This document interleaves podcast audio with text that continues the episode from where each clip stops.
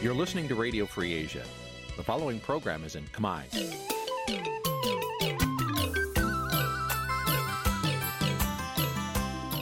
នេះជាកម្មវិធីផ្សាយ Vuthu Azizi Serai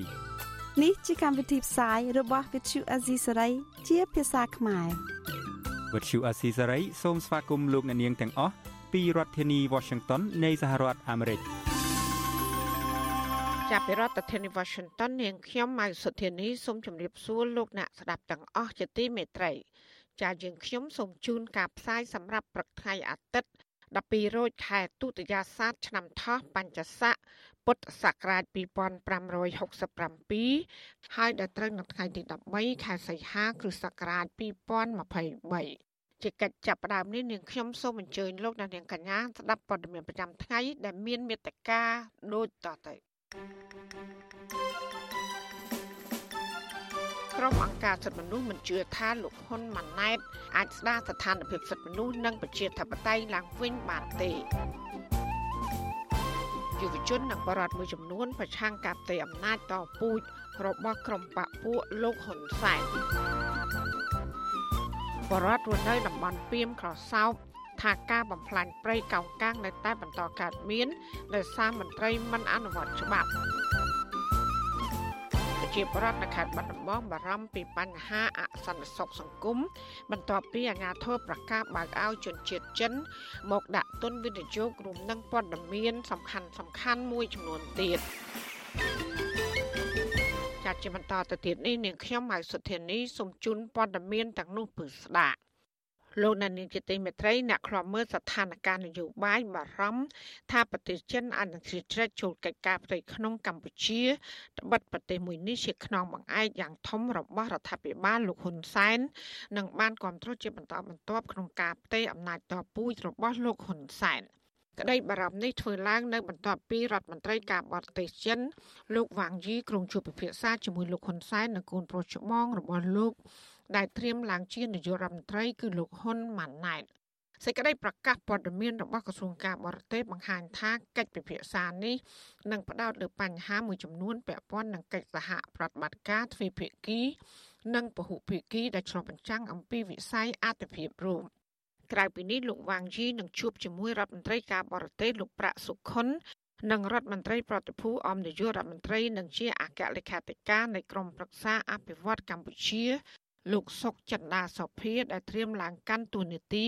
ជារដ្ឋមន្ត្រីក្រសួងការបរទេសជំនួសលោកប្រាក់សុខុន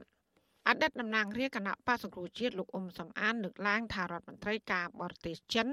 មកទស្សនកិច្ចនៅកម្ពុជាមុនពេលដែលលោកហ៊ុនម៉ាណែតដឹកនាំប្រទេសកម្ពុជាបែបនេះគឺជាការរឹតចំណងមិត្តភាពនិងបង្ហាញការជឿទុកចិត្តគ្នា ក្នុងការគ្រប់គ្រងនយោបាយដឹកនាំប្រទេសបែបផ្ដាច់ការឲ្យគ្នាទៅវិញទៅមក លោកថាភាគីចិនមកកម្ពុជានៅពេលនេះបង្ហាញថាចិននឹងនៅតែបន្តជួយដល់រដ្ឋាភិបាលលោកហ៊ុនម៉ាណែតតាមរយៈការផ្ដល់កម្ចីឥណទានដើម្បីទប់ទល់នឹងទណ្ឌកម្មអន្តរជាតិ កម្ពុជានៅពេលដែលមានចិនជាខ្នងបង្អែកប្រកាសជាកាន់អំណាចផ្ដាច់ការថែមទៀតហើយនឹងរំលោភសិទ្ធិមនុស្សធ្វើទុកបុកម្នេញបន្ថែមទៀតទៅលើសកម្មជនបពប្រឆាំងហើយនឹងបំបិតសិទ្ធិសេរីភាពរបស់ប្រជាពលរដ្ឋនៅពេលគាត់មានទុកកង្វល់ចង់តវ៉ាអីជាដើមមួយទៀតកម្ពុជាកាន់តែដើរហុងកាន់តែជ្រៅទៅរបបផ្ដាច់ការតពូជនៅកម្ពុជា ដែលมันអាចងាកក្រោយបានទៅរកផ្លូវប្រជាធិបតេយ្យនិងការគោរពសិទ្ធិមនុស្សឡើងវិញដោយសារមានចិនជាខ្នងបង្អែកហើយមិនបាច់ពឹងលោកខាងលិចក៏បានបានដែរហ្នឹងអញ្ចឹងឯងការបោះឆ្នោតថ្នាក់ជាតិនៅកម្ពុជាកាលពីថ្ងៃទី23ខែកក្កដាកន្លងទៅនេះត្រូវបានសហគមន៍អន្តរជាតិដែលនិយមរបបប្រជាធិបតេយ្យជាច្រើន បានថ្កោលទោសនឹងមើលឃើញ ថាគ្មានយុត្តិធម៌សេរីនិងតម្លាភាពក៏ប៉ុន្តែបណ្ដាប្រទេសនិយមរបបកុម្មុយនីសជាពិសេសប្រទេសចិនគ្រប់គ្រងការបោះឆ្នោតនេះទៅវិញលោកអ៊ុំសំអានរិគុណថានៅពេលដែលរដ្ឋាភិបាលបន្តលំអៀងទៅរកចិនកាន់តែខ្លាំង នោះសេរីភាពបញ្ចេញមតិរបស់ប្រជាពលរដ្ឋនិងក្រុមអ្នករិះគន់កាន់តែរួមតូចព្រមទាំងទទួលរងការបង្ក្រាបពីក្រុមមេដឹកនាំដែលនិយមរបបផ្ដាច់ការមិនតែប៉ុណ្ណោះកម្ពុជាក៏អាចទទួលរងទណ្ឌកម្មបន្ថែមទៀតពីសហគមន៍អន្តរជាតិដែលធ្វើឲ្យខាតបង់សេដ្ឋកិច្ចជាតិ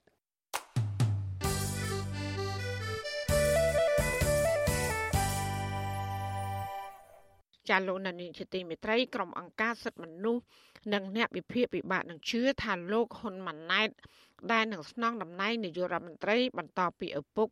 អាចនឹងស្ដារស្ថានភាពសិទ្ធិមនុស្សនិងប្រជាធិបតេយ្យនៅកម្ពុជាឡើងវិញបាក់តើមូលហេតុអ្វីបានជាពួកគេមិនមានសង្ឃឹមអាចប្រែប្រួលមកល្អវិញ នៅពេលដែលលោកហ៊ុនម៉ាណែតបានអំណាចពេញដៃតពីឪពុក ចាសសេចក្តីរាយការណ៍ពិស្ដារអំពីរឿងនេះលោកណានៀងនឹងបានស្ដាប់នាពេលបន្តិចទៀតនេះលោកណានៀងជាទីមេត្រីដំណើរធាននឹងស្ដាប់ការផ្សាយរបស់វិទ្យុអសីសេរីតាមបណ្ដាញសង្គម Facebook YouTube និង Telegram លោកណានៀងក៏អាចស្ដាប់ការផ្សាយរបស់យើងតាមរលក ធាតុអាកាសខ្លីឬ Shortwave តាមកម្រិតនិងកម្ពស់ដូចតទៅចាប់ពីព្រឹកចាប់ពីម៉ោង5កន្លះដល់ម៉ោង6កន្លះ តាមរយៈប៉ុស SW 12.14 MHz ស្មើនឹងកម្ពស់ 25m និងប៉ុស SW 13.71 MHz ស្មើនឹងកម្ពស់ 22m ការសម្រាប់ពេលយប់វិញគឺចាប់ពីម៉ោង7កន្លះដល់ម៉ោង8កន្លះគឺតាមរយៈប៉ុស SW 9.33 MHz ស្មើនឹងកម្ពស់ 32m ប៉ុស SW 11.88 MHz ស្មើនឹងកម្ពស់ 25m និងប៉ុស SW 12.15 MHz ស្មើនឹងកម្ពស់ 25m ចាសសូមអរគុណ ចាលោកនាងជាទីមេត្រីពាក់ព័ន្ធនឹងការផ្ទេរអំណាចតពូជរបស់ត្រកូលហ៊ុននេះក្រមយុវជនយល់ឃើញថាការផ្ទេរអំណាចពីឪពុកម្ដាយទៅកូនកូនរបស់ពួកគេ បង្ហាញពីអសមត្ថភាព និងភាពអាម៉ាស់ដែលនឹងអាចនាំមកនូវការអភិវឌ្ឍជាវិជ្ជមាន សម្រាប់ប្រទេសជាតិនោះឡើយចាត់ប្រធានាធិបតី Washington លោកយ៉ងច័ន្ទតារារាយការណ៍ព័ត៌មាននេះក្រមយុវជនសកម្មការងារសង្គមយល់ឃើញស្រដៀងគ្នាថា គណៈរដ្ឋមន្ត្រីថ្មីដែលរៀបចំឡើងដោយការផ្ទេរអំណាចតពូជជាប្រព័ន្ធនឹងបន្តធ្វើឲ្យជីវភាពប្រជាពលរដ្ឋកាន់តែក្រីក្រ និងមិនអាចលុបបំបាត់អំពើពុករលួយបានទេនិស្សិតផ្នែកអក្សរសាស្ត្រអង់គ្លេសឆ្នាំទី4នៃសាកលវិទ្យាល័យបញ្ញាសាស្ត្រលោកវ៉ានីចត្រាមិនរំពឹងថាគណៈរដ្ឋមន្ត្រីថ្មីដែលកាត់ចេញពីការបន្តអំណាចពីឪពុកម្ដាយទៅកូននឹងអាចកាត់បន្ថយអំពើពុករលួយជាប្រព័ន្ធបាននោះឡើយ។ ពីព្រោះតែការផ្ទេរអំណាចតពូជបែបនេះបានឆ្លុះបញ្ចាំងពីការការពារអំណាចគ្រួសារនៅតាមក្រសួងនីមួយៗជាជាងការលើកកម្ពស់ឲ្យអ្នកមានសមត្ថភាពពិតប្រាកដធ្វើជាអ្នកដឹកនាំតាមក្រសួងលោកបន្ថែមថាការផ្ទេរអំណាចតាមបែបបន្តពូជតវងត្រកូលបែបនេះគឺជាការដាក់បន្ទុកទៅដល់អ្នកបន្តវេនហើយនឹងធ្វើឲ្យអ្នកដឹកនាំចំនួនថ្មីទាំងនោះបាក់មុខមាត់ព្រោះពួកគេមិនបានទួនាទីដោយផ្អែកទៅលើសមត្ថភាពផ្ទាល់ខ្លួននោះឡើយ។ ដើម្បីឲ្យអន្តរជាតិនឹងលោកទទួលស្គាល់ថាកម្ពុជាបានអនុវត្តសិទ្ធិមនុស្សបានយ៉ាងល្អហើយដូចជាការគោរពសិទ្ធិការងារការគោរពគ្នាទៅវិញទៅមកការមិនរើសអើងមិនប្រកាន់និន្នាការគណៈបកនយោបាយអីជាដើមនឹងអញ្ចឹងខ្ញុំសង្ឃឹមថាគណៈរដ្ឋមន្ត្រីថ្មីនឹងពិនិត្យមើលឡើងវិញក៏ដូចជានឹងយក23ដុល្លារ91មកអនុវត្តយ៉ាងពេញលេញក្នុងកម្ពុជាផងដែរស្រដៀងគ្នានេះនិស្សិតឆ្នាំទី4ជំនាញព័ត៌មានវិទ្យាលោកហេងលីហួងលើកឡើងថាស្ថាប័នរដ្ឋមិនមែនជាក្រុមហ៊ុនឯកជនឡើយ ដូច្នេះលោកមិនគាំទ្រចំពោះការផ្ទេរអំណាចតពូជទៅឲ្យកូនចៅដឹកនាំស្ថាប័នរដ្ឋាភិបាលឡើយលោកបន្ថែមថាការផ្ទេរអំណាចតពូជឲ្យដឹកនាំស្ថាប័នជាតិកម្ពុជាកម្ពុជាបែបនេះគឺជាគំរូអាក្រក់សម្រាប់ការជ្រើសរើសមន្ត្រីថ្នាក់ក្រោមជាតិពីព្រោះมันបានបង្ហាញពីដំណាភាពនិងការប្រកួតប្រជែងឲ្យបានស្មើភាពនោះទេ វាសបញ្ជាក់ឲ្យឃើញថាកូនហ្នឹងអត់មានសមត្ថភាពគ្រប់គ្រាន់ឬក៏ពេញលេញដើម្បីទៅប្រកួតប្រជែងដោយខ្លួនឯងទេបែរជាចាំម៉ែឪលើកបន្ទប់បដាក់អីចឹងបើសម្រាប់ខ្ញុំវិញមានអារម្មណ៍ថាវារៀងអៀខ្លួនណាដោយសារតារបស់ហ្នឹងវាយើងមិនមែនបានមកដោយចេញពីសមត្ថភាពរបស់យើងផ្ទាល់ទេវាបែរជាបានមកដោយការស៊ីពែឬក៏អាចនិយាយឲ្យខកស្ដាប់ថាម៉ែឪហុចឲ្យអីចឹងយើងគ្រាន់តែអង្គុយចាំយកស្រាប់ស្រាប់ដូចគ្នានេះដែរនិស្សិតផ្នែកកសិឧស្សាហកម្មឆ្នាំទី4 នៃសាកលវិទ្យាល័យភូមិន្ទកសិកម្មកញ្ញាចិនឆវិនយល់ឃើញថាការផ្ទេរអំណាចបន្តពូជជាប្រព័ន្ធមិនមែនជាការលើកកម្ពស់កិត្តិយសអ្នកបន្តវេនដោយពិតប្រាកដនោះទេពីព្រោះការផ្ទេរអំណាចបែបនេះឆ្លុះបញ្ចាំងពីការដឹកនាំប្រទេសបែបផ្ដាច់ការខ្ញុំគិតថារដ្ឋាភិបាលគួរតែបើកឱកាសឲ្យយុវជនដែលមាន សមត្ថភាពដើម្បីបម្រើជាតិដោយមិនមានបពុនិយមជាជាងដែលរើស យកសាច់ឈាមខ្លួនឯងហ្នឹងទៅចូលរួមធ្វើធ្វើការឬដឹកនាំខ្ញុំគិតថាយុវជនច្រើនណាស់ដែលមានសមត្ថភាពក្នុងការបម្រើរាជហ្នឹងហើយខ្ញុំសូមឲ្យរដ្ឋាភិបាលថ្មីនឹងព្យាយាមដោះស្រាយបញ្ហា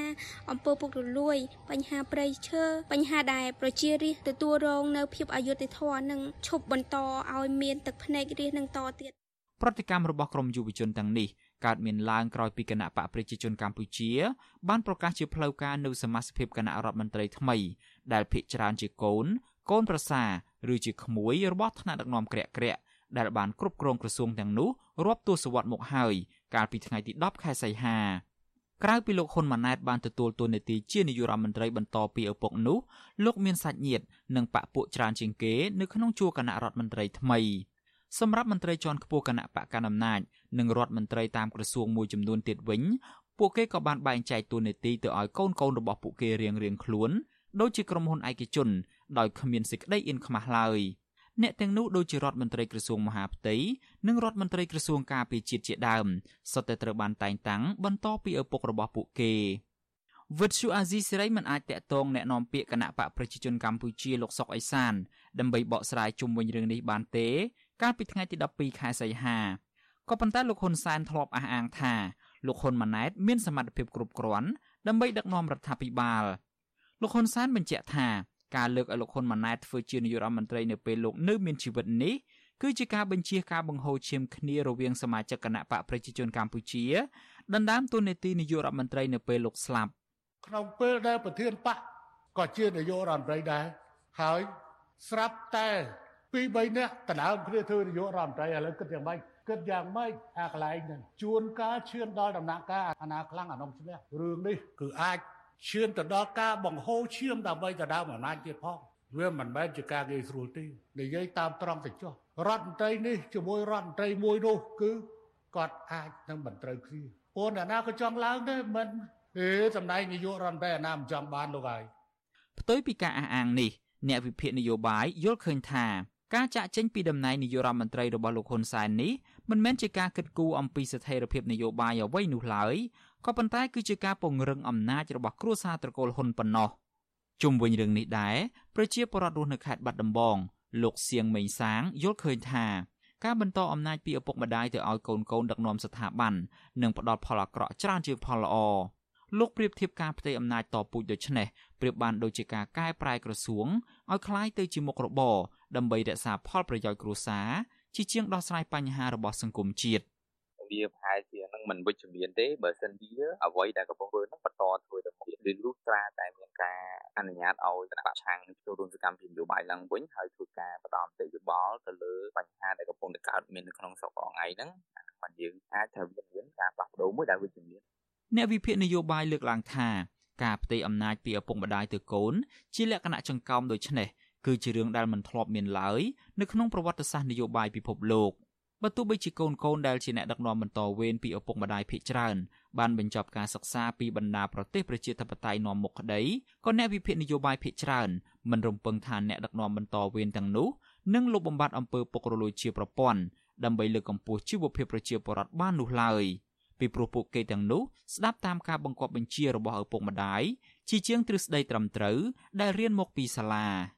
ខ្ញុំយ៉ងច័ន្ទដារាវិទ្យុអាស៊ីសេរី Washington ចាលោកនាយកជាទីមេត្រីប្រកាសណាស់លោកហ៊ុនសែនមិនត្រឹមតែប្រគល់គេជាតំណែងនាយករដ្ឋមន្ត្រីតែឲ្យកូនរបស់ខ្លួនដើម្បីដឹកនាំប្រទេសតពូជបែបនេះទេ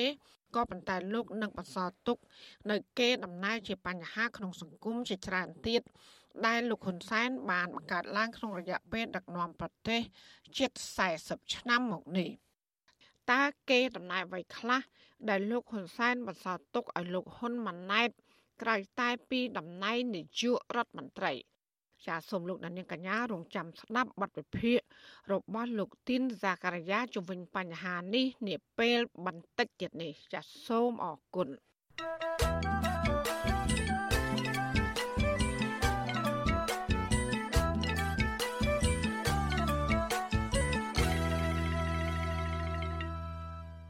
ចាលោកនាងកញ្ញាកំពុងស្ដាប់ការផ្សាយរបស់វិទ្យុអសីស្រីផ្សាយចេញពីរដ្ឋធានី Washington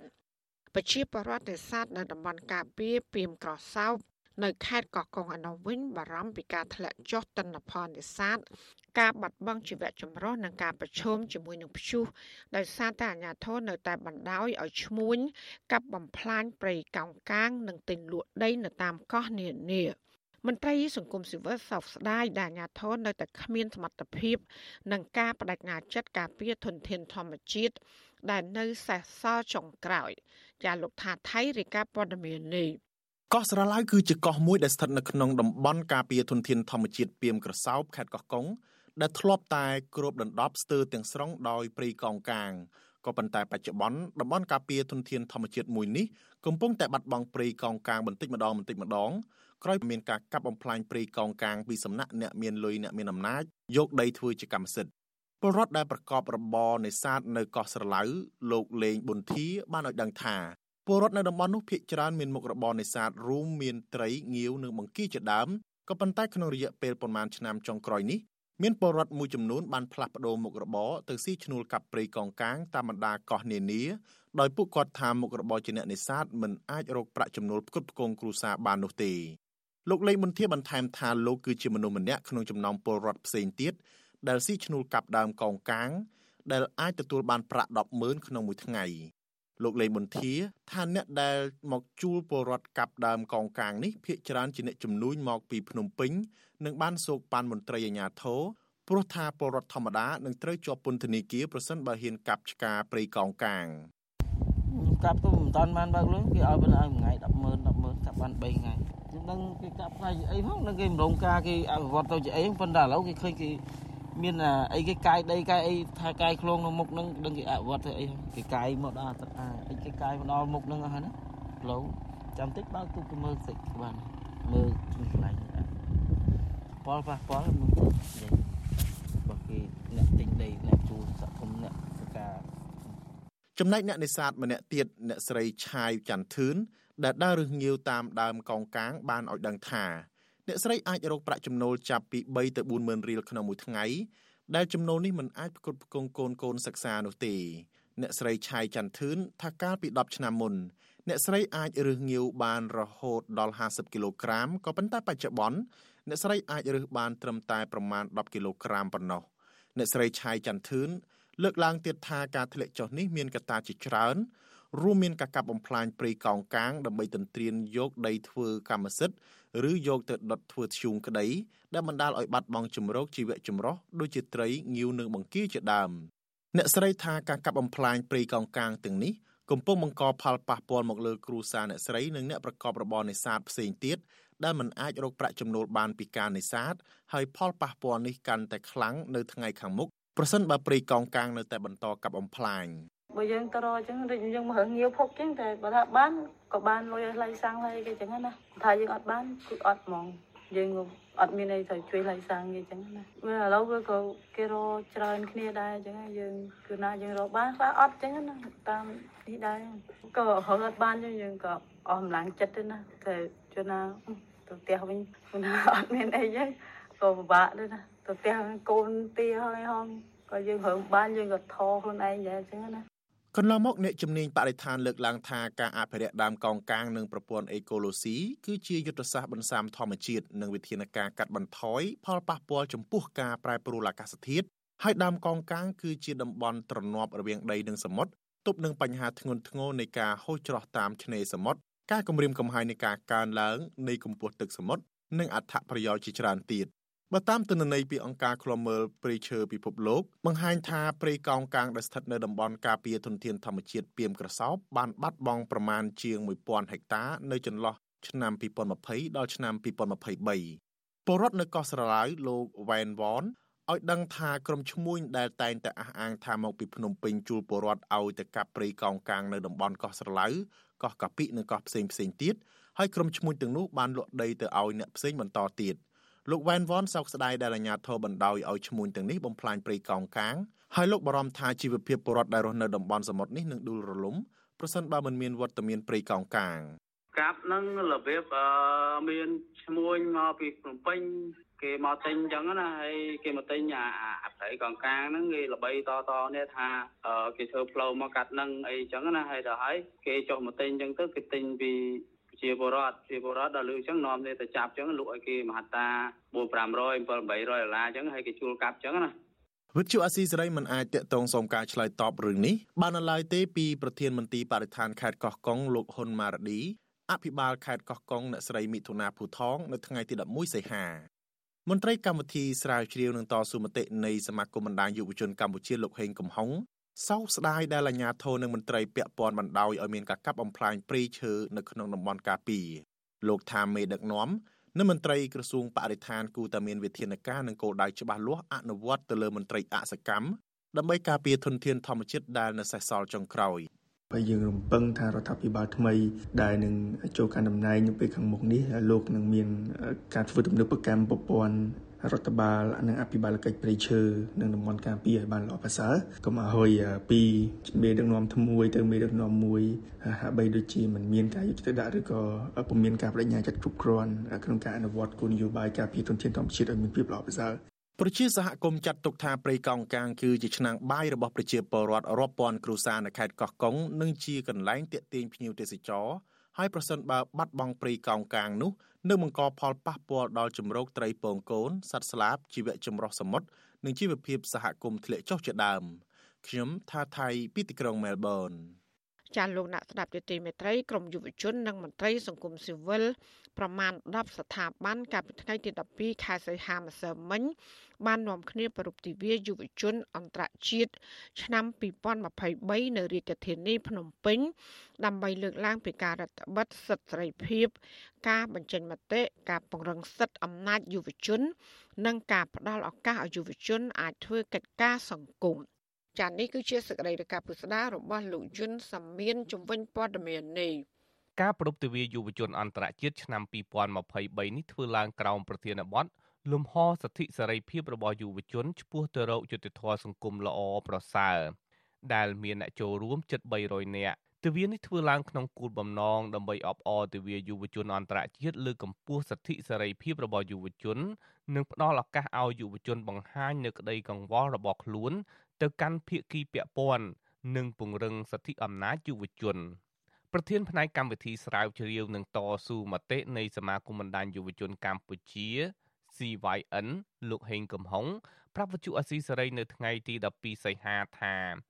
ការរៀបចំទិវាយុវជននេះគឺចង់ឲ្យយុវជនសិក្សាស្វែងយល់ពីសិទ្ធិ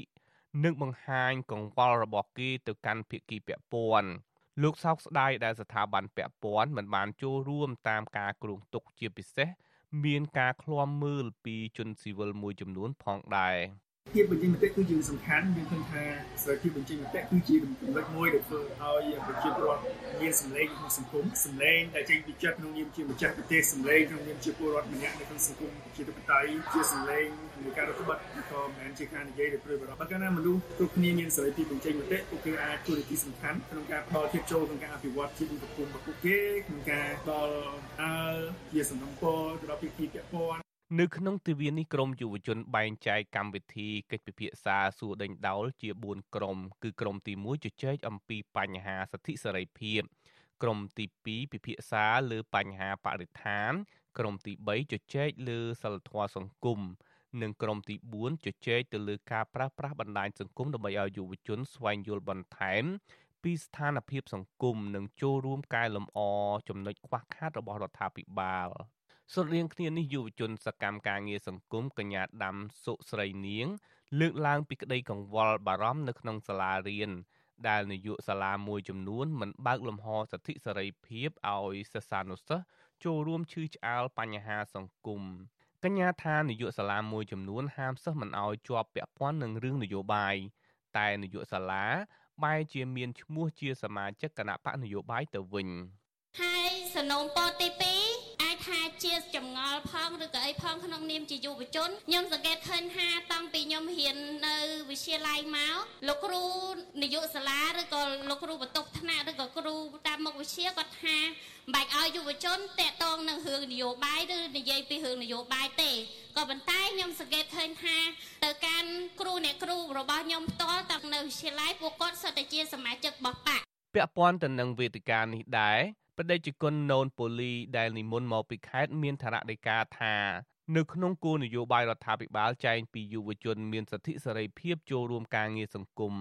ប៉ុន្តែទស្សនវិជ្ជាជាក់ស្ដែងនៅពេលយុវជនលើកឡើងពីបញ្ហាសង្គមអាញាធរបែរជាគម្រាមកំហែងយុវជនទៅវិញព្រះអង្គស្នើឲ្យរដ្ឋាភិបាលពិចារណាឡើងវិញពាក់ព័ន្ធទៅនឹងការរឹតបន្តឹងសម្លេងយុវជននេះ។ ហើយមួយទៀតយើងតែនិយាយថាអ្នកនយោបាយគោលដៅរបស់អ្នកនយោបាយគឺនិយាយពីយុវជនគឺចង់បានឲ្យយុវជនជាពិសេសនៅពេលដែលគៀតបោះឆ្នោតគោលការណ៍ឲ្យយុវជនបោះឆ្នោតឲ្យខ្លួនក៏ប៉ុន្តែទស្សនវិជ្ជាជាស្ដែងបែរជាហាមឲ្យយុវជនមិននិយាយរឿងបញ្ហានយោបាយនៅក្នុងសាលាប៉ុន្តែជាស្ដែងប្រកបការឲ្យយុវជនទៅបោះឆ្នោតគ្រប់គ្រងខ្លួននេះគឺជាបញ្ហាមួយតើតើហេតុអីបានជាហាមហាមគាត់មិនឲ្យយុវជនស្វែងយល់អំពីនយោបាយហេតុអីបានជាមិនឲ្យយុវជនពលរដ្ឋចូលរួមជាមួយនឹងជីវភាពនយោបាយប៉ុន្តែនៅពេលបោះឆ្នោតបែរជាប្រកបការឲ្យយុវជនទៅបោះឆ្នោតឲ្យខ្លួនវិញ ក្រៅពីវេទិកាជជែកសួរដេញដោលពីបញ្ហាសិទ្ធិមនុស្សនៅមានការសម្ដែងរឿងខ្លីរបស់ក្រមយុវជន ផ្សារភ្ជាប់ជីវិតរស់នៅជាមួយបរិស្ថាន ការលើកឡើងពីបញ្ហាប្រឈមចំពោះការចូលរួមការងារសង្គមនិងការដាក់តាំងពិព័រណ៍រូបភាពដើមឈើជាដើម ជាងនេះទៅទៀតបន្ទាប់ពីចប់កម្មវិធីយុវជនអន្តរជាតិអង្គការសង្គមស៊ីវិលប្រមាណ10ស្ថាប័នរួមមានអង្គការសម្ព័ន្ធនិស្សិតបញ្ញវន្តខ្មែរ សមាគមបណ្ដាញយុវជនកម្ពុជា អង្គការកម្មវិធីអភិវឌ្ឍធនធានមនុស្សនិងអង្គការសមត្ថៈកម្ពុជា និងអង្គការមួយចំនួនទៀតគ្រងនឹងដាក់ញត្តិទៅក្រសួងពាក់ព័ន្ធដើម្បីបង្ហាញពីក្តីបារម្ភរបស់យុវជនពាក់ព័ន្ធការរដ្ឋបិទសិទ្ធិនិងការបំផ្លាញធនធានធម្មជាតិជាដើម តកតងទៅនឹងរឿងនេះវិទ្យុអាស៊ីសេរីមិនអាចតកតងអ្នកនាំពាក្យរដ្ឋាភិបាលលោកផៃស៊ីផាននិងអ្នកនាំពាក្យគណៈកម្មាធិការសិទ្ធិមនុស្សរបស់រដ្ឋាភិបាលលោកកតាអូនដើម្បីសុំអត្ថាធិប្បាយជុំវិញបញ្ហានេះបានទេនៅថ្ងៃទី12ខែសីហាជុំវិញបញ្ហានេះអ្នកនាំពាក្យសមាគមការពារសិទ្ធិមនុស្សអាត6និងជាវាគ្មិនក្នុងកម្មវិធីវេទិកាយុវជន លោកសង្សានករណាក៏សម្គាល់ឃើញថា បច្ចុប្បន្នការជួបជុំរបស់អង្គការសង្គមស៊ីវិលក្រមយុវជននៅតាមមូលដ្ឋាន និងទីកន្លែងសាធារណៈក្តីតែងតែឃើញមានជនស៊ីវិលតាមឃ្លាំមើលនិងតាមថតរូបជាដើមលោកបន្តថាបញ្ហានេះបង្ហាញឲ្យឃើញពីការរឹតបន្តឹងសិទ្ធិសេរីភាពនិងការគំរាមកំហែងដល់ស្មារតីយុវជន ដែលពួកគាត់ចង់ចូលរួមការងារសង្គម ឆ្នាំទី7ហើយខែ9នេះយើងនឹងចេញរបាយការណ៍ឆ្នាំទី7រួមគ្នាមួយទៀតអញ្ចឹងយើងមិនឃើញមានភាពស្រាក់ស្រានអំពីការរដ្ឋបិទសេរីភាពទាំងអស់នេះទេសេរីភាពមូលដ្ឋានគឺមាន3សេរីភាពក្នុងការជួបជុំអញ្ចឹងដោយមិនមានការរដ្ឋបិទមិនមានការគម្រាមកំហែងហើយសេរីភាពទី2គឺពាក់ព័ន្ធទៅនឹងការបញ្ចេញមតិទាំងការតែងនិពន្ធចម្រៀងការផ្សព្វផ្សាយផ្សេងផ្សេងជាទស្សនាបតីវិទ្យុអីជាដើមអញ្ចឹងទៅ សេរីភាពទាំងអស់នេះដែលយើងពិនិត្យមើលរងការរដ្ឋបិទរងការគម្រាមកំហែងនានារបាយការណ៍របស់សមាគមការពារសិទ្ធិមនុស្សអាត6ផ្សាយនៅថ្ងៃទី27ខែឧសភាបង្ហាញថា ក្នុងរយៈពេល12ខែ ក្នុងឆ្នាំ2020មានការរំលោភសិទ្ធិមនុស្សជិត1000ករណីដែលមានជនរងគ្រោះជាង100,000នាក់ក្នុងករណីភ ieck ច្រើនគឺករណីចំនួនដីធ្លី មានជាង80% និងមានជនរងគ្រោះជិត40000នាក់រួមទាំងករណីគំរាមកំហែងសកម្មភាពនយោបាយការរឹតបន្តឹងសិទ្ធិសេរីភាពជួបជុំសិទ្ធិសេរីភាពបដកម្មនិងករណីរដ្ឋបិទសេរីភាពមូលដ្ឋានរបស់ពលរដ្ឋជាដើមក្រមយុវជននិងមន្ត្រីអង្គការសង្គមស៊ីវិលជំរុញដល់ភាគីពាក់ព័ន្ធគ្រប់ស្ថាប័ន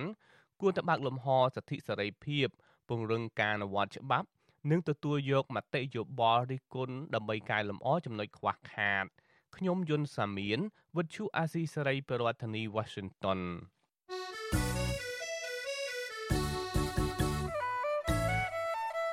ជាលោកនានីជាទីមេត្រីកម្មវិធី podcast កម្ពុជាសប្តាហ៍នេះរបស់វិទ្យុអសីស្រីចេញផ្សាយនៅរៀងរាល់ព្រឹកថ្ងៃសៅរ៍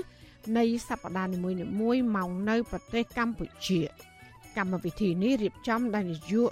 និងនាយករងនៃកម្មវិធីការផ្សាយរបស់វិទ្យុអសីស្រីជាភាសាខ្មែរ គឺលោកសំពូលីនិងលោកជុនច័ន្ទបុតចាសសូមប្រិយមិត្តស្វែងរកនិងស្ដាប់ podcast របស់យើង នៅលើកម្មវិធី podcast របស់ Apple, Google និង Spotify ដោយគ្រាន់តែសរសេរពាក្យថាកម្ពុជាសប្តាហ៍នេះឬ Cambodia This Week ដោយក្នុងប្រអប់ស្វែងរកតែយើងក៏នឹងចាប់ផ្សាយ podcast នេះឡើងវិញនៅក្នុងការផ្សាយផ្ទាល់របស់យើងតាមបណ្ដាញសង្គម Facebook, YouTube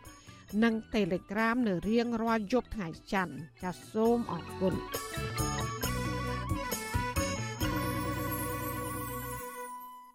ចាលោកណានីជាទីមេត្រីនៅខេត្តបាត់ដំបងប្រជាពលរដ្ឋមួយចំនួន បារម្ភពីបញ្ហាអសន្តិសុខសង្គម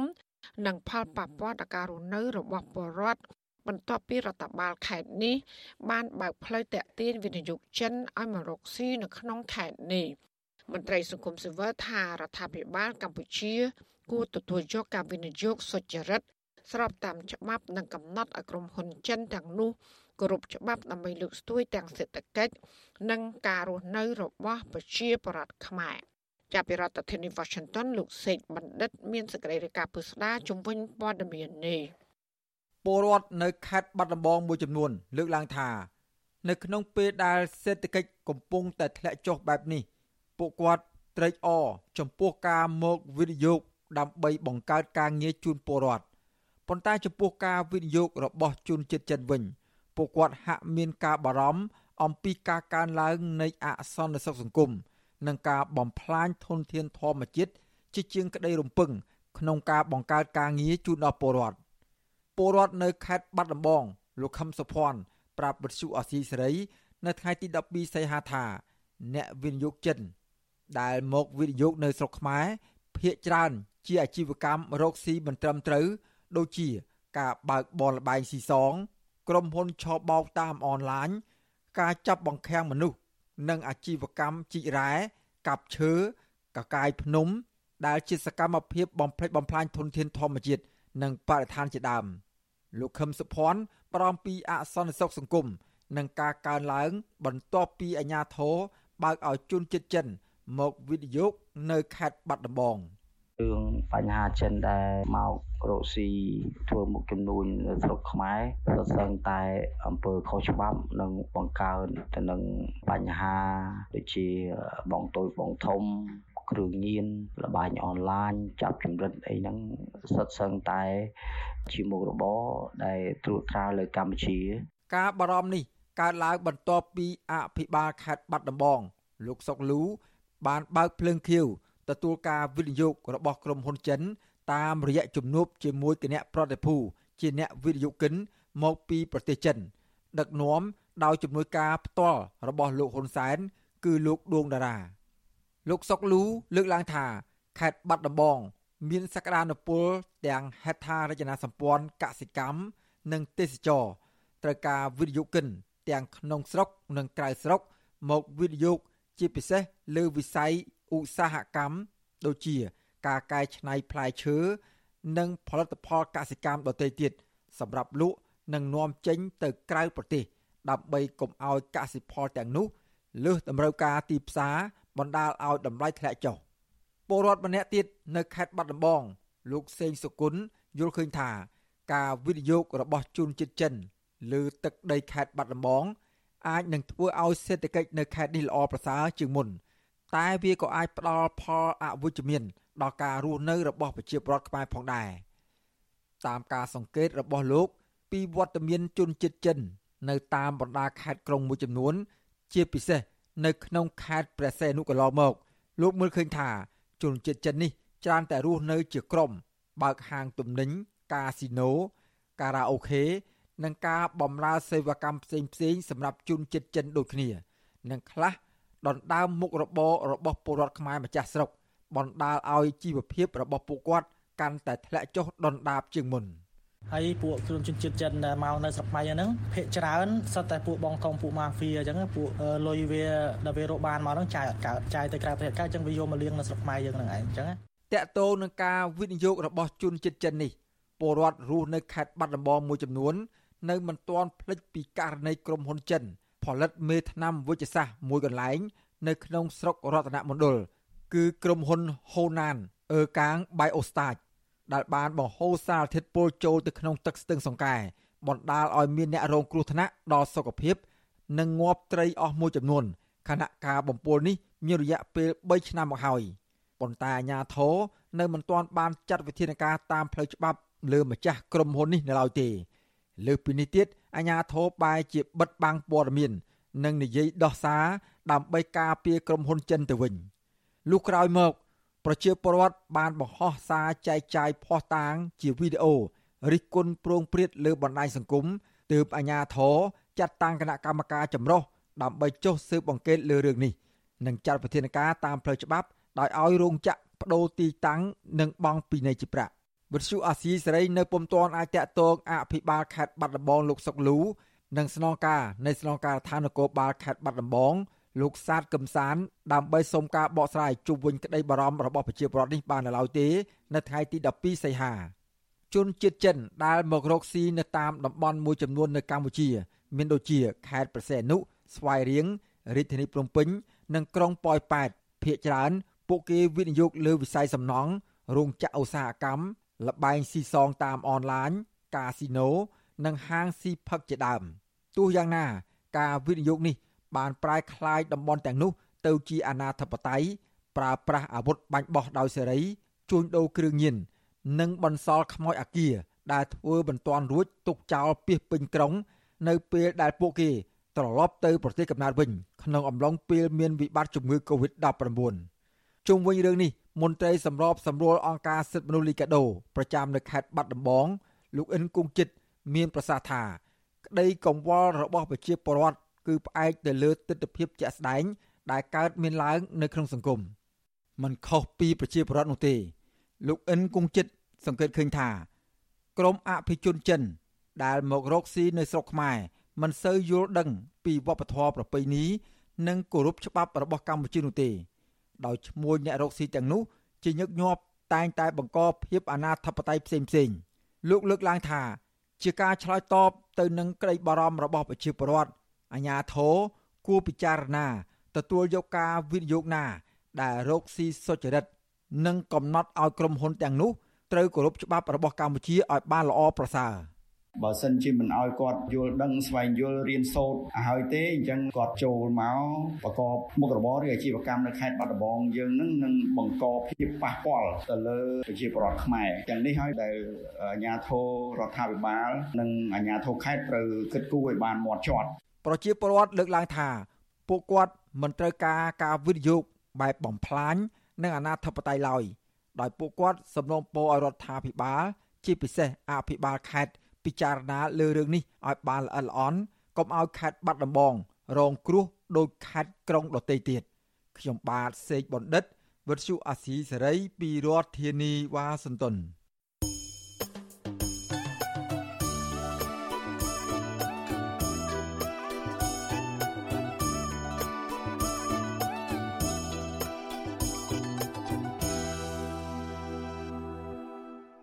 លោកណានៀងជាទីមេត្រីក្រុមអង្គការសិទ្ធិមនុស្សនិងអ្នកវិភាគពិបាកនឹងជឿថាលោកហ៊ុនម៉ាណែតដែលនឹងស្នងតំណែងជានាយករដ្ឋមន្ត្រីបន្តពីឪពុកគឺលោកហ៊ុនសែនអាចនឹងស្ដារស្ថានភាពសិទ្ធិមនុស្សនិងប្រជាធិបតេយ្យនៅកម្ពុជាឡើងវិញបានទោះយ៉ាងណាពួកគេនៅមានក្តីសង្ឃឹមតិចតួច ថាកត្តាពេលវេលានិងស្ថានភាពនយោបាយ ព្រមទាំងសេដ្ឋកិច្ចពិភពលោកនឹងអាចជាកត្តាចម្បងជាងគេដែលជំរុញរដ្ឋាភិបាល នៅក្រោមការគ្រប់គ្រងរបស់លោកហ៊ុនម៉ាណែតអាចផ្លាស់ប្តូរឆន្ទៈកែប្រែស្ថានភាពសិទ្ធិមនុស្សនិងប្រជាធិបតេយ្យខ្លះៗទៅតាមការចង់បាន របស់សហគមន៍អន្តរជាតិជាពិសេសគឺបណ្ដាប្រទេសឈានមុខខាងប្រជាធិបតេយ្យ ចាសសូមលោកដានៀងស្ដាប់សេចក្តីរាយការណ៍របស់អ្នកស្រីសុជីវីជំវិញព័ត៌មាននេះដូចតទៅអ្នកសិទ្ធិមនុស្សនិងអ្នកសង្កេតការមើលឃើញថាអ្វីដែលធ្វើពួកគេពិបាករំពឹងថាលោកហ៊ុនម៉ាណែតអាចកែប្រែស្ថានភាពសិទ្ធិមនុស្សនៅកម្ពុជានោះគឺនាយករដ្ឋមន្ត្រីតវេនពីឪពុករូបនេះនឹងផ្ដោតលើផែនការការពីអំណាចឲ្យខាងតៃបាន ដែលមិនខុសអ្វីពីឪពុករបស់លោក នៅពេលកាន់តំណែងជានាយករដ្ឋមន្ត្រីដែរ នាយកប្រតិបត្តិអង្គការសម្ព័ន្ធភាពការពារសិទ្ធិមនុស្សកម្ពុជាហៅកាត់ថាច្រាក់លោករស់សថាមើលឃើញថាលោកហ៊ុនម៉ាណែត បានអំណាចដោយឡើងកម្មចិន្តាដោយសារតែឪពុកជ្រោមជ្រែងនិងមិនបានឆ្លងកាត់ការបោះឆ្នោតតាមបែបប្រជាធិបតេយ្យទេ ជាមួយគ្នានេះឪពុករបស់លោកក៏បានចាត់ចែងគ្រប់បែបយ៉ាងទាំងអស់ចាប់តាំងពីការបំបិទសិទ្ធិសេរីភាពពលរដ្ឋនិងអង្គការសង្គមស៊ីវិលសារព័ត៌មានឯករាជ្យរារាំងគណៈបកប្រឆាំងមិនឲ្យចូលរួមការបោះឆ្នោត ចាប់មេបកប្រឆាំងនិងសកម្មជននយោបាយសង្គមស៊ីវិលអ្នកការពារសិទ្ធិមនុស្សដាក់ពន្ធនាគាររហូតដល់ការបែងចែកផ្ទៃអំណាចនៅក្នុងចំណោមមន្ត្រីថ្នាក់ដឹកនាំក្រាក់ក្រាក់ក្នុងជួររដ្ឋាភិបាល និងក្នុងគណៈបកប្រជាជនកម្ពុជាផង បន្ថែមពីនេះលោកថាលោកហ៊ុនម៉ាណែតមិនបានបង្ហាញគោលនយោបាយអ្វីដែលថ្មីប្លែកខុសពីឪពុកសោះមួយវិញទៀតលោកថាដើម្បីតែរក្សាអំណាចលោកហ៊ុនម៉ាណែត ក៏ទំនងនឹងបន្តទំនាក់ទំនងល្អស្អិតល្មុតជាមួយនឹងប្រទេសកុម្មុយនីសចិននិងវៀតណាមដោយលោកហ៊ុនសែនដែរលោកថាអ្វីដែលកាន់តែធ្ងន់ធ្ងរនោះគឺលោកហ៊ុនសែននៅតែបន្តក្តោបក្តាប់អំណាចពេញដៃដដែលឥឡូវនេះគឺសម្ដេចនាយករដ្ឋមន្ត្រីហ៊ុនសែននៅតែគ្រប់គ្រងអំណាចកាន់តែច្រើនទៅវិញតាមខ្ញុំសង្កេតណាទី1គាត់មានកូនជានាយករដ្ឋមន្ត្រីទី2គឺថាគាត់កាន់នៅស្ថាប័ននីតិបញ្ញត្តិកម្ពុជាប្រសិទ្ធភាព ទី3ទៀតគឺថាគាត់ជាប្រធានឧត្តមក្រុមប្រឹក្សាព្រះមហាក្សត្រលោកដូចជាមានអំណាចច្រើនហើយខ្ញុំធ្លាប់បានឮសូរលោកហ៊ុនម៉ាណែតគឺថាក្រោយពីបញ្ចប់ការសិក្សាគាត់ថាគាត់មកជួយឪពុកបាទឥឡូវយើងក៏អាចដឹងខ្លះអំពីរបៀបនៃការជួយហ្នឹងគឺស្ថានភាពនេះដូចជាការរក្សាអំណាចច្រើនជាជាងក្នុងការធ្វើឲ្យមានការរីកចម្រើននៅសិទ្ធិមនុស្សនិងប្រជាធិបតេយ្យប្រទេសចិនកុម្មុយនីសនិងវៀតណាម ដែលតែងតែមានឥទ្ធិពលលើអ្នកនយោបាយនៅកម្ពុជា បានប្រកាសគាំទ្រលទ្ធផលបោះឆ្នោត កាលពីថ្ងៃទី23ខែកក្កដាកន្លងទៅ ស្របពេលដែលបណ្ដាប្រទេសប្រជាធិបតេយ្យចាត់ទុកជាការបោះឆ្នោតដែលមិនមែនជាដំណើរការប្រជាធិបតេយ្យពិតប្រាកដតកតទៅនឹងការងារតស៊ូមតិរបស់អង្គការសង្គមស៊ីវិលផ្នែកសិទ្ធិមនុស្សនិងប្រជាធិបតេយ្យវិញលោករស់សុថាមើលឃើញថាលោកហ៊ុនម៉ាណែតក៏អាចបន្តធ្វើដូចឪពុកដែរគឺបើកឲ្យមានសកម្មភាពខ្លះៗ មិនបិទទាំងស្រុងនោះឡើយ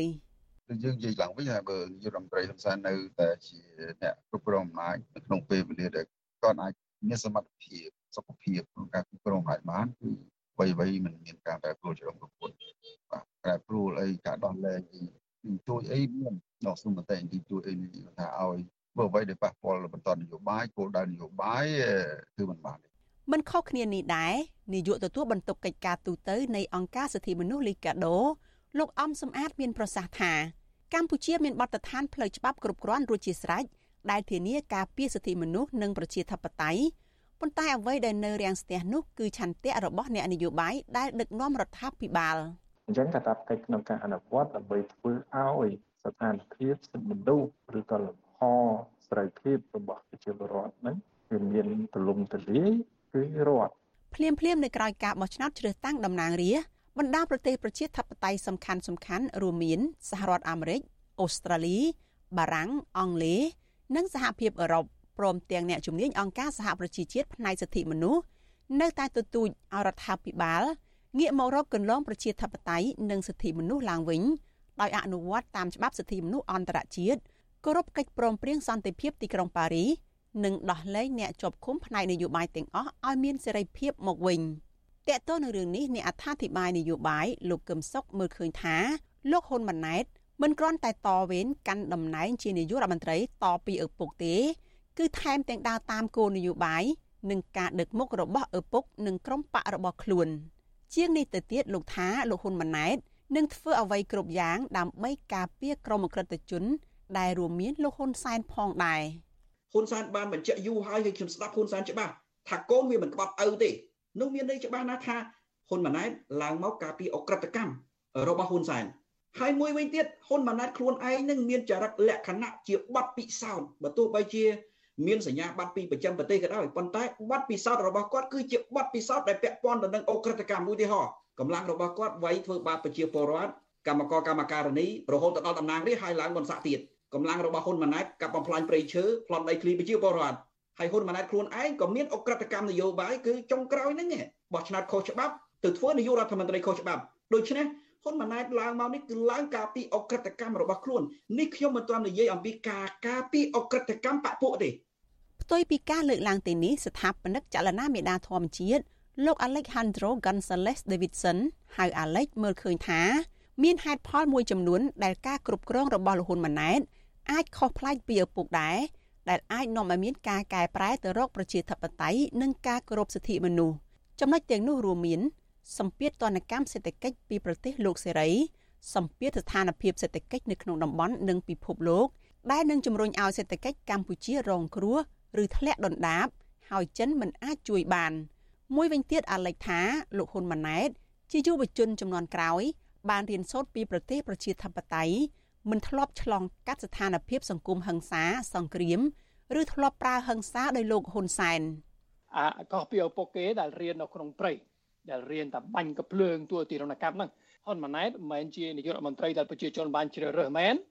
មិនឈ្នះឆ្នោតត្រឹមត្រូវទៅមែនប៉ុន្តែអាចថាយ៉ាងហោចណាស់ក៏គាត់មិនជាអតីតខ្មែរក្រហមដូចឪពុករបស់គាត់បាទហើយចំណុចមួយទៀតហ្នឹងគឺ យើងមានគេហៅថាសង្ឃឹមមួយតទៅនឹងគេហៅថាមិនជាជំនាន់ហឹង្សានិយមដោយឪពុករបស់គេឪពុករបស់គេមកពីសម័យឲ្យតែមានបញ្ហាគឺបាញ់ឬក៏ប្រាហឹង្សាកូនគេអាចនឹងមានអតចរិតខុសគ្នាពេលមានបញ្ហាអាចនឹងព្យាយាមរកដំណោះស្រាយតាមផ្លូវជជែកគ្នាឬក៏ចរចាគ្នាអីចឹងទៅអាហ្នឹងពីហើយកថាចុងក្រោយគឺអារឿងសេដ្ឋកិច្ចនៅកម្ពុជា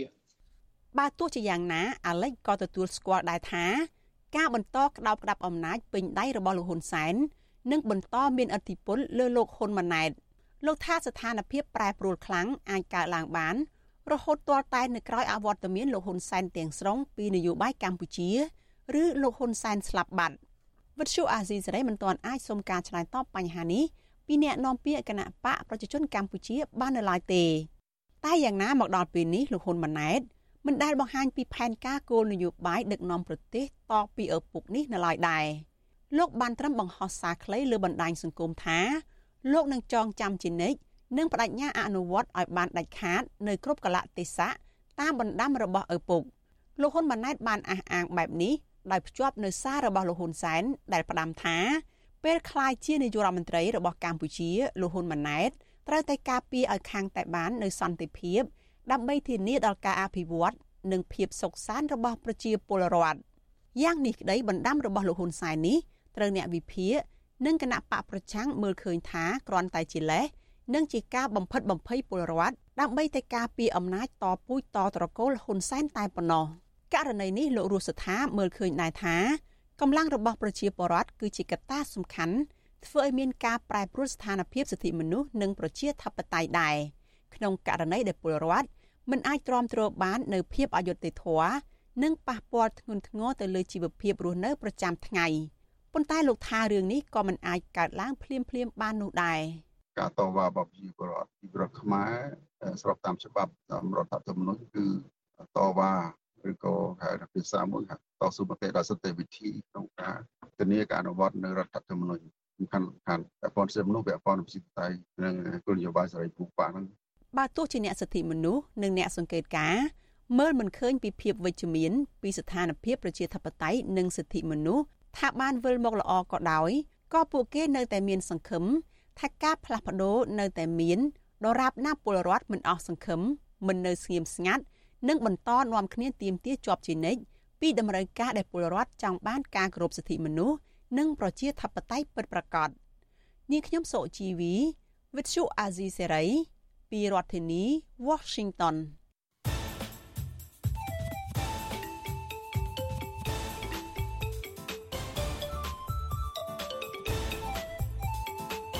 បាត់វិភាគ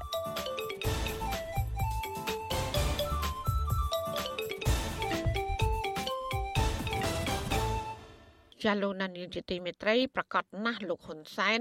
មិនត្រឹមតែប្រកល់គេជាតំណែងនាយករដ្ឋមន្ត្រីទៅឲ្យកូនរបស់ខ្លួនដើម្បីដឹកនាំតពូជបែបនេះទេ លោកក៏នឹងបន្សល់ទុកនៅគេដំណែល ដែលជាបញ្ហាក្នុងសង្គមជាច្រើនទៀតដែលលោកហ៊ុនសែនបានបង្កើតឡើងក្នុងរយៈពេលដឹកនាំជិត40ឆ្នាំមកនេះតើគេដំណែលអ្វីខ្លះដែលលោកហ៊ុនសែនបន្សល់ទុកឲ្យលោកហ៊ុនម៉ាណែត ក្រៅតែពីតំណែងនាយករដ្ឋមន្ត្រីចាលោកទីនសាករាមានបទវិភាគអំពីបញ្ហានេះដូចតទៅកូនប្រុសច្បងលហ៊ុនសែនគឺលហ៊ុនម៉ាណែតនឹងមានយាយអូនជាងគេក្នុងចំណោមបងប្អូននៃត្រកូលហ៊ុនទាំង5នាក់លោកនឹងបានស៊ីគេជាតំណែងនាយករដ្ឋមន្ត្រីបន្តពីឪពុកលោក ចាប់ពីចុងខែសីហានេះតទៅល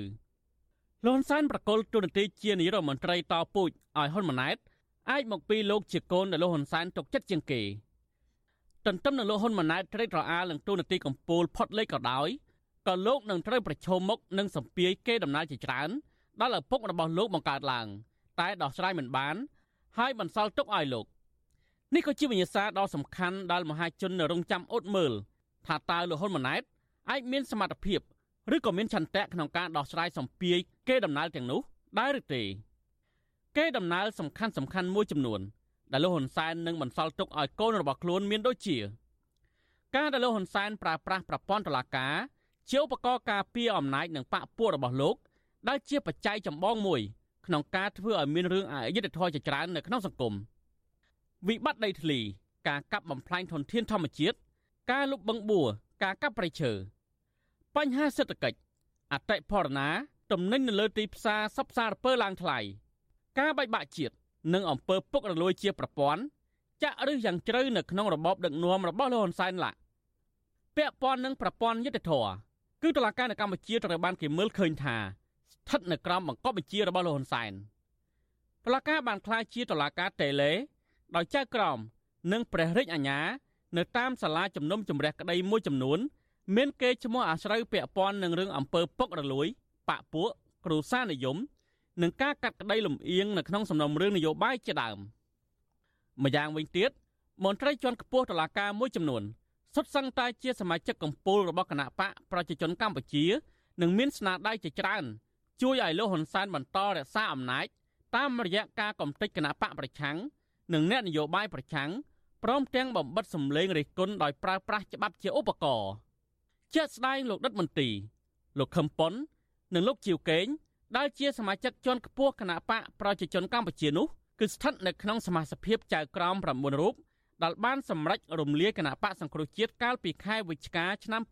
2017បញ្ហានេះបានធ្វើឲ្យសហគមន៍ជាតិនិងអន្តរជាតិស្កល់ទោសនិងរិះគន់ថា ជាការគាស់រំលើងប្រជាធិបតេយ្យនិងជន់ឈ្លីប្រព័ន្ធយុតិធធម៌នៅកម្ពុជា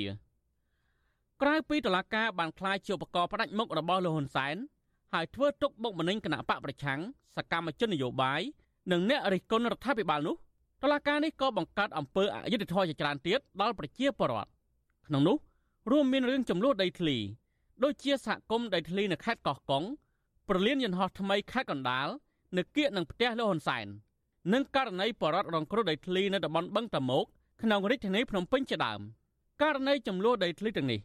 ម្ចាស់ក្រុមហ៊ុនប៉ាក់ពួកលោកហ៊ុនសែនបានកាន់កាប់ដីរីឯម្ចាស់ដីជាប់គុកទៅវិញ កាលពីឆ្នាំ2022 អង្គការគម្រោងយុទ្ធធម៌ពិភពលោកបានចេញរបាយការណ៍មួយស្ដីពីសន្ទុះនៃការគោរពនីតិរដ្ឋដោយបានដាក់ចំណាត់ថ្នាក់ប្រទេសកម្ពុជា នៅជិតបាតតារាងគឺជាប់លេខ139ក្នុងចំណោម140ប្រទេសដែលមានកេរ្តិ៍ឈ្មោះអាសោចខាងមិនគោរពសិទ្ធិមនុស្សនិងរំលោភប្រព័ន្ធនីតិរដ្ឋចំណាត់ថ្នាក់បាតតារាងនេះគឺកម្ពុជាស្ថិតនៅលើប្រទេសវេណេស៊ុយអេឡាតែមួយគត់គេដំណើរមួយទៀតដែលលោកហ៊ុនម៉ាណែតនឹងប្រជុំខ្លាំងដែរនោះគឺបញ្ហាសេដ្ឋកិច្ច ដែលរបបដឹកនាំរបស់លោកហ៊ុនសែនកំពុងតែរងសម្ពាធគ្រប់ទិសទីសហរដ្ឋអាមេរិកជាប្រទេសនាំមុខគេក្នុងការដាក់ទណ្ឌកម្មបន្ថែមលើរដ្ឋាភិបាលលោកហ៊ុនសែនគឺអាមេរិកបានដកជំនួយ18លានដុល្លារនិងបង្កកវីសាមន្ត្រីដែលរួមដៃជាមួយលោកហ៊ុនសែនដែលបំផ្លាញប្រជាធិបតេយ្យតន្តកម្មនេះធ្វើឡើងភ្លាមភ្លាមក្រោយពីការរៀបចំការបោះឆ្នោតคล้ายៗកាលពីថ្ងៃទី23កក្កដាឆ្នាំ2023ក្រៅពីនេះប្រព័ន្ធអនុគ្រោះពន្ធ GSP របស់អាមេរិក បានបង្កតាំងពីឆ្នាំ2020មកទល់ពេលនេះក៏អាមេរិកមិនទាន់បន្តឲ្យកម្ពុជាវិញដែររីឯសហភាពអឺរ៉ុបវិញក៏នឹងបន្តពិនិត្យមើលលទ្ធភាពដកប្រព័ន្ធអនុគ្រោះពន្ធ EBA ទាំងអស់ចេញពីកម្ពុជាដែរបើសិនជាការដឹកនាំរបស់ត្រកូលហ៊ុននេះមិនងាកមកស្ដារប្រជាធិបតេយ្យនិងគោរពសិទ្ធិមនុស្សឡើងវិញទេនោះតើតងនឹងរឿងសេដ្ឋកិច្ចប្រទេសជាតិវិញកំណើនសេដ្ឋកិច្ចមិនរីកចម្រើនដោយរដ្ឋាភិបាលលហ៊ុនសែនរំពឹងទុកនោះឡើយ ធនាគារអភិវឌ្ឍអាស៊ី ADB បានព្យាករកំណើនសេដ្ឋកិច្ចប្រមាណជាង5%ប៉ុណ្ណោះនៅឆ្នាំ2023នេះកំណើននេះមិនដូចការរំពឹងទុករបស់រដ្ឋាភិបាលដែលថានឹងកើនឡើង7%នោះឡើយរបាយការណ៍របស់ធនាគារពិភពលោកចេញផ្សាយកាលពីថ្ងៃទី28វិច្ឆិកាឆ្នាំ2022បង្ហាញថារយៈពេល10ឆ្នាំចាប់ពីឆ្នាំ2009ដល់ឆ្នាំ2019 អត្រានៃភាពក្រីក្ររបស់ប្រជារដ្ឋកម្ពុជា បានធ្លាក់ចុះពីកម្រិតជិត34%មកនៅត្រឹមជិត18%ដែលជួយឲ្យប្រជារដ្ឋជិត2លាននាក់បានរួចផុតពីភាពក្រីក្រក៏ប៉ុន្តែចាប់តាំងពីឆ្នាំ2020មកប្រជាពលរដ្ឋប្រមាណជាងកន្លះលាននាក់បានធ្លាក់ចូលនៅក្រោមកម្រិតប្រាក់ចំណូលនៃភាពក្រីក្រវិញ គឺរកចំណូលបានប្រមាណជាង10000រៀលឬជាង2ដុល្លារក្នុងមួយថ្ងៃ នៅស្របពេលកម្ពុជាកំពុងតែមានវិបត្តិសេដ្ឋកិច្ចនេះ ប្រជាពលរដ្ឋសម្រាប់ឆ្លងដែនទាំងខុសច្បាប់ទៅរកការងារធ្វើនៅប្រទេសថៃមិនថយចុះនោះទេ កាលពីចុងខែមេសាកន្លងទៅនេះ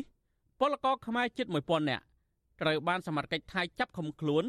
ពីបទមិនមានឯកសារស្របច្បាប់ដែលក្នុងនោះ មានទាំងការដាក់ច្រវាក់ចងជាក្រុមជាក្រុមទៀតផងម្យ៉ាងវិញទៀតបើយើងមើលពីបញ្ហាពុករលួយវិញ ការប្រព្រឹត្តអំពើពុករលួយក៏ជាបញ្ហាស្មុគស្មាញដែលលោកហ៊ុនសែនដោះមិនចេញដែរ មន្ត្រីនាយម៉ឺនមានទ្រព្យមហាសាលក្នុងពេលដែលប្រជាពលរដ្ឋអត់ការងារធ្វើសឹងតែរកអង្គច្រកឆ្នាំងគ្មានផងនោះធ្វើឲ្យគម្លាតអ្នកមានអ្នកក្រកាន់តែច្រើនអ្វីដែលគួរឲ្យចាប់អារម្មណ៍ទៀតនោះគឺរដ្ឋាភិបាលលហ៊ុនសែននៅតែជាប់ផងក្នុងចំណោមប្រទេសដែលមានអំពើពុករលួយខ្ពស់ដដែលលទ្ធផលសន្ទុះរបស់អង្គការដំឡាភិបអន្តរជាតិសម្រាប់ឆ្នាំ2022បង្ហាញថាកម្ពុជាទទួលបានពិន្ទុ24លើពិន្ទុអតិបរមា100ពិន្ទុ ធៀបនឹងឆ្នាំចាស់គឺកម្ពុជាកើនតែមួយពិន្ទុប៉ុណ្ណោះពិន្ទុទាបបែបនេះធ្វើឲ្យកម្ពុជាត្រូវស្ថិតនៅចំណាត់ថ្នាក់ទី150កាលពីឆ្នាំ2022ដែលធ្លាក់ចុះពីចំណាត់ថ្នាក់157កាលពីឆ្នាំ2021ក្នុងចំណោមប្រទេសនិងដែនដីសរុបចំនួន108ដែលត្រូវបានដាក់បញ្ចូលនៅក្នុងការវិតម្លៃក្រៅពីនេះនៅមានគេដំណើរដ៏ធំមួយទៀតដែលលោកហ៊ុនសែនបន្សល់ទុកនោះ គឺការបែកបាក់ជាតិ លោកហ៊ុនសែនបានប្រកាន់យកនយោបាយកំទេចដៃគូនិងកំទេចអ្នកប្រឆាំងក្នុងទិសដៅរក្សាអំណាចតពូជតើតើនៅបញ្ហានេះអ្នកវិភាគនយោបាយលោកកឹមសុខលើកឡើងថាលោកហ៊ុនម៉ាណែតនឹងរងថ្មបាក់ពីឪពុកលោកបន្ថែមថាហ៊ុនម៉ាណែតនឹងមិនអាចផ្សះផ្សាជាតិបានឡើយហ៊ុនសែនបន្សល់ទុកឲ្យហ៊ុនម៉ាណែតគឺការបែកបាក់ជាតិញុះញង់ឲ្យខ្មែរស្អប់គ្នាពិបាកផ្សះផ្សាគ្នាវិបត្តិនេះធំមកហ៊ុនម៉ាណែតដោះស្រាយមិនចេញទេពីព្រោះកាលណា ជួបវិបត្តិនៃការបែកបាក់ជាតិធ្ងន់ធ្ងរហើយក៏វានាំឲ្យកើតនៅវិបត្តិគ្រប់វិស័យទាំងអស់នៅក្នុងផ្ទៃក្នុងជាតិអំពើអបាយមុខអយុត្តិធម៌សង្គមបពុនិយមការប្លន់ដីធ្លីប្រជាពលរដ្ឋការបំផ្លាញធនធានធម្មជាតិរបស់ប្រទេសលុជាតិការពុលទៅដោយលបាយស៊ីសងគ្រឿងញៀនហើយជាបន្តបន្ទាប់សេដ្ឋកិច្ចធ្លាក់ពីបញ្ហា ទៅជាវិបត្តិវិបត្តិអត់ការងារធ្វើរបស់ប្រជាពលរដ្ឋភាពក្រីក្រក៏កាន់តែកើនធំនាំឲ្យសង្គមនឹងចលាចលតែម្ដង ជាស្របសេចក្តីមកអ្វីត្បិតតែលោកហ៊ុនម៉ាណែតអាចជោគជ័យទទួលគេដំណើរទូនាទីជានាយករដ្ឋមន្ត្រីតពុជពីលោកហ៊ុនសែនក៏ពិតមែនតែគេដំណើរនៃការដឹកនាំដែលលោកហ៊ុនសែនដោះមិនចេញនោះលោកហ៊ុនម៉ាណែតវិញក៏មិនអាចដោះស្រាយបានដូចគ្នាដែរលោកហ៊ុនម៉ាណែតដោះស្រាយមិនបានដោយសារតែលោក បានបដិញ្ញាដឹកនាំប្រទេសដើរតាមគន្លងរបស់ឪពុកលោកដដែលមានភ័ស្តុតាងច្រើនណាស់ដែលផ្ដល់ជាតម្រុយឲ្យគេទាញការសន្និដ្ឋានបានថាលោកនឹងចាប់យកកុម្មុយនីសចិនជាខ្នងបង្អែកដោយដែលលោកហ៊ុនសែនបានដាក់លិខិតទៅប្រាប់មេដឹកនាំចិនកាលពីពេលថ្មីៗនេះថាគោលនយោបាយដឹកនាំរបស់ហ៊ុនម៉ាណែតគឺមិនងាករេចេញពីចិនឡើយចិនជាមិត្តដៃថែបដែលមិនអាចខ្វះបានដដែលជាងនេះទៅទៀត លោកហ៊ុនម៉ាណែតនៅមុនពេលព្រះមហាក្សត្របានចេញព្រះរាជក្រឹត្យចាត់តាំងជានាយរដ្ឋមន្ត្រីថ្មីនោះលោកបានបដិញ្ញាគោរពតាមបណ្ដាំរបស់លោកហ៊ុនសែនដ៏សំខាន់មួយទៀតគឺការពារអ្វីដែលឪពុករបស់លោកហៅថាសន្តិភាពសន្តិភាពដែលឪនឹងកូនអះអាងការពារនេះមិនមែនសេចក្តីសុខសាន្តត្រានដែលធ្វើឲ្យប្រជាពលរដ្ឋរស់នៅក្នុងសង្គមមានសេចក្តីសុខសប្បាយនោះឡើយពាក្យការពារសន្តិភាពនេះ គឺមានន័យថា លោកហ៊ុនម៉ាណែតនឹងបន្តការពារអំណាចតោពូជឲ្យបានទោះជាក្នុងតម្លៃណាក៏ដោយដោយដែលឪពុករបស់លោកគឺលោកហ៊ុនសែនបានអះអាងបដូរផ្ដាច់កន្លងមកដូចឆ្នោះដែរទោះជាត្រូវសម្លាប់ឬកំទេចក៏លោកមិនញញើតដៃដែរដោយឈលលើមូលដ្ឋានទាំងនេះរដ្ឋបាលដឹកនាំដោយហ៊ុនម៉ាណែតនឹងមិនខុសពីឪពុករបស់លោកនោះទេដោយដល់ពាក្យស្លោកខ្មែរថាស្លឹកឈើជ្រុះមិនឆ្ងាយពីគល់ លោកនឹងមិនខ្វល់អំពីការដោះស្រាយសម្ពាយគេដំណើរដែលឪពុករបស់លោក បន្សល់ទុកឲ្យប្រជាពលរដ្ឋរងទុក្ខលំបាកនិងសង្គមជាតិបែកបាក់ហិនហោចនោះទេអ្វីដែលលោកហ៊ុនម៉ាណែតនឹងខ្វល់នោះ តាមមើលទៅ មិនខុសពីឪពុករបស់លោកនោះឡើយគឺខ្វល់តែការពារអំណាចតោពុជដោយយកពាក្យសន្តិភាពមកបាត់បង់ឬឆ្ពិនភ្នែកសហគមន៍ជាតិនិងអន្តរជាតិតែប៉ុណ្ណោះខ្ញុំបាទទីនសាការីយ៉ាអស៊ីសេរី ពីរដ្ឋធានី Washington